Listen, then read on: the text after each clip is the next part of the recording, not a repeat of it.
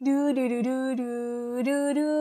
Hey yo, selamat datang di Mochi Cool, mau cerita soal kuliah. Bareng sama Cikul di sini yang bakal cerita seputar pengalaman masa kuliah. Du du du du du du du. Kuliah adalah jenjang lanjutan setelah tamat SMA atau SMK. Masa kuliah diisi sama banyak hal, mulai dari proses akademik, kegiatan non-akademik, sampai seru-seruan bareng teman-teman. Nah, kali ini aku pengen cerita tentang salah satu momen di dalam proses akademik yang baru aja selesai minggu lalu. Yap, dan sesuai sama judul, cerita kali ini tentang gimana aja sih UAS kemarin dan segala peritilannya.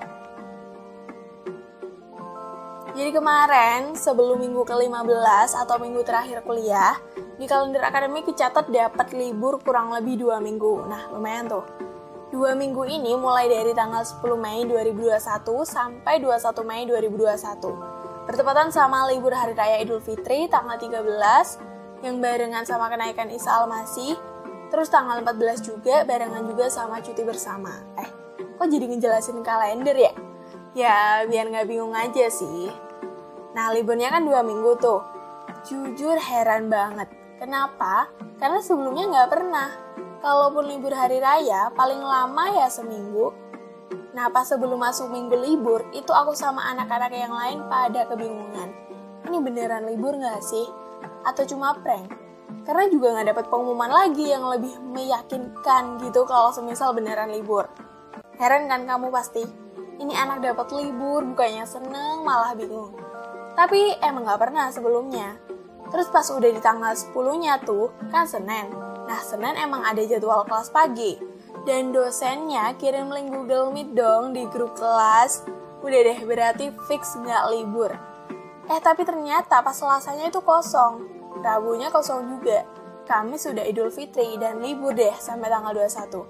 Gak tau deh ya, yang tanggal 10 tuh mungkin dosenku lagi kangen sama mahasiswanya. Tapi jangan disangka libur ini enak-enakan, santuy-santuy, rebahan-rebahan.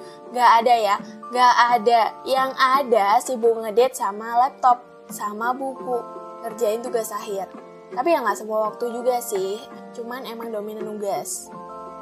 Setelah libur balik lagi masuk tanggal 24 Mei. Ini masuk di minggu terakhir kuliah ya, minggu ke-15. Karena kalau di kampusku, hitungannya minggu ke-16-nya udah uas.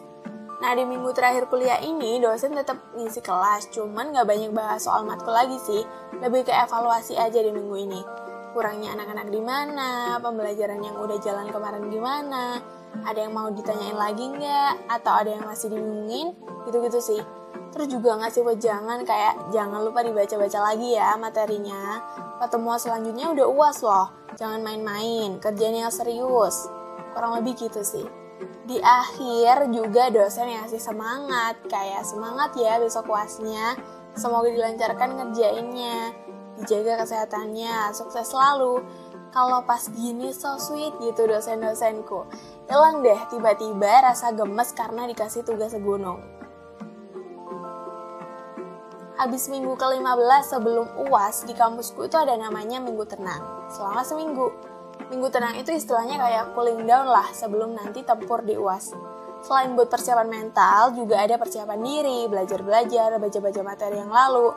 Tapi ya, ada aja pas tanggal 29 Mei ini, tiba-tiba ada satu dosenku yang kirim soal UAS di hari itu. Padahal belum waktunya. Dan karena matkul ini belum ngadain UTS pas minggu UTS lalu, dikirim juga dong soal UTS-nya. Jadi ya udah di minggu tanah ngerjain dua ujian itu, UAS sama UTS yang soalnya bejibun dan harus tulis tangan jawabannya. Satu ujian dikasih waktu pengerjaan dua hari, jadi empat hari buat ngerjain keduanya. Selesai itu dikumpulin, baru deh sisa harinya bisa fokus buat belajar UAS. Hamin 3 UAS, ketua program studiku mulai nge-share jadwal di grup angkatan. UASnya jalan tanggal 7 Juni 2021 sampai 10 Juni 2021. Padahal udah ada tuh satu yang nyelip tanggal 29 kemarin. Ternyata di Hamin satu UAS dapat surprise lagi. Hmm, ada dosen matkul lain yang kirim UAS duluan dengan deadline dua hari. Sementara di jadwal buat matkul ini tuh sebenarnya baru UAS hari Rabu tanggal 9 Juni. Alhasil numpuklah kerjaan UAS di hari Senin Barengan sama dua uas matkul lainnya yang emang udah jadwalnya di hari Senin. Wah, grup kelas rame banget tuh. Persambatan duniawi. Ada yang bilang, duh ini soal kenapa pada bareng-bareng datangnya. Satu lagi bilang, ini bener soalnya cuma empat. Tapi bercabang, say A, B, C, sampai Z. Yang lain lagi bilang, bisa nggak sih ini disulap aja biar langsung kelat? Ya kali disulap. Jujur baca grup kelas tuh jadi bikin terhibur gitu, walaupun soal lagi numpuk barengan nih. Tapi jadi ada semangat aja buat ngerjain. Jadi sama teman-teman, sebenarnya kita secara nggak langsung saling ngasih energi. Meskipun nggak kayak semangat yuk, semangat, yuk bisa yuk, tapi dengan cara yang lain. Karena sekarang kan lagi kuliah daring nih, ya kita cuma bisa saling kontak lewat medsos. Kalau ingat sebelum pandemi dulu ya, sebelum uas tuh kita biasanya ngumpul dulu di gazebo sebelum masuk kelas. Ketawa-ketawa dulu, saling tebak-tebakan gitu buat inget-inget materi. Kadang sambil jajan juga. Terus foto-foto, bikin story, kasih caption. Uas day one, baru deh udah beres itu semua masuk kelas. Seru gitu, beda sama daring. Ya, tapi namanya juga lagi pandemi ya, mau gak mau, suka gak suka, kita mesti jalanin. Masuk di hari kedua, hari Selasa itu aku masih ada ngelanjutin satu uas yang kemarin. Habis itu normal aja di hari ini. Ada dua uas lagi yang masuk yang emang jadwalnya hari Selasa. Nah, dua uas ini itu ada satu matkul wajib sama satu matkul peminatan. Buat yang nggak ambil peminatan ya hari ini cuma uas satu matkul. Cuman kebetulan aku ambil peminatan ini jadi ngerjain dua uas. Di hari Rabu udah lumayan senggang. Aku cuma uas satu matkul, normal-normal aja di hari terakhir, hari Kamis, was satu matkul yang disuruh buat bikin analisis relevansi kasus sama teori. Sebenarnya basic semua soal ya analisis teori sama kasus gitu sih. Cuman kalau yang lain itu kayak beragam teori sama kasus yang masuk. Kalau yang terakhir ini diminta cuma satu macam aja. Walaupun satu macam, tetap nggak bisa digampangin. Kita mesti benar-benar bisa lihat di mana tuh relevannya kasus yang kita temuin sama teorinya kalau sampai salah analisis, udah soal cuma satu, nilainya gimana tuh? Makanya mesti bener-bener fokus pas ngerjain.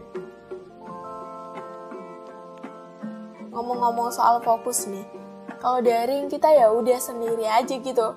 Tapi kalau sebelum pandemi dulu ya, pas lagi ngerjain tuh aura satu ruangan kan bawaannya kayak tegang, pada fokus sama soalnya masing-masing. Terus juga ada dosen kan yang jagain depan kelas sambil ngeliatin anak-anak tuh satu-satu diawasin. Waktu udah ada yang kelar, satu anak ke depan deh dia ngumpulin lembar jawaban. Habis itu nggak lama, satu-satu nyusul selesai. Yang masih di meja panik, say. Aduh-aduh, udah ada yang selesai aja nih. Ditambah lagi dosen bilang, yuk 5 menit lagi, yuk 2 menit lagi yuk. Makin jadi dah itu paniknya. Pikiran udah blank, tapi ya akhirnya selesai juga. Nah, kalau udah uas hari terakhir nih, biasanya kita ngumpul dulu depan gedung fakultas. Terus foto-foto, update story, dikasih caption. Selamat liburan ya, sayang-sayangku. Sampai ketemu semester depan, gitu-gitu deh pokoknya. Jujur kangen banget sama momen-momen itu. Ya semoga aja pandemi segera berakhir dan kegiatan bisa normal lagi kayak dulu. Jadi itu tadi cerita UAS kemarin, semoga bisa menghibur kamu yang mungkin lagi suntuk atau lagi kangen-kangen juga sama suasana kuliah di kampus. Makasih banget udah mau mampir dan dengerin. Kalau ada baiknya diambil, yang jelek dibuang aja. Nah, kalau kamu pengen kasih feedback atau pengen cerita, curhat tentang gimana kehidupan kuliah kamu, boleh banget langsung aja ke email mochikul14 at gmail.com. Aku tunggu ya. Sampai ketemu di episode selanjutnya. Bye-bye.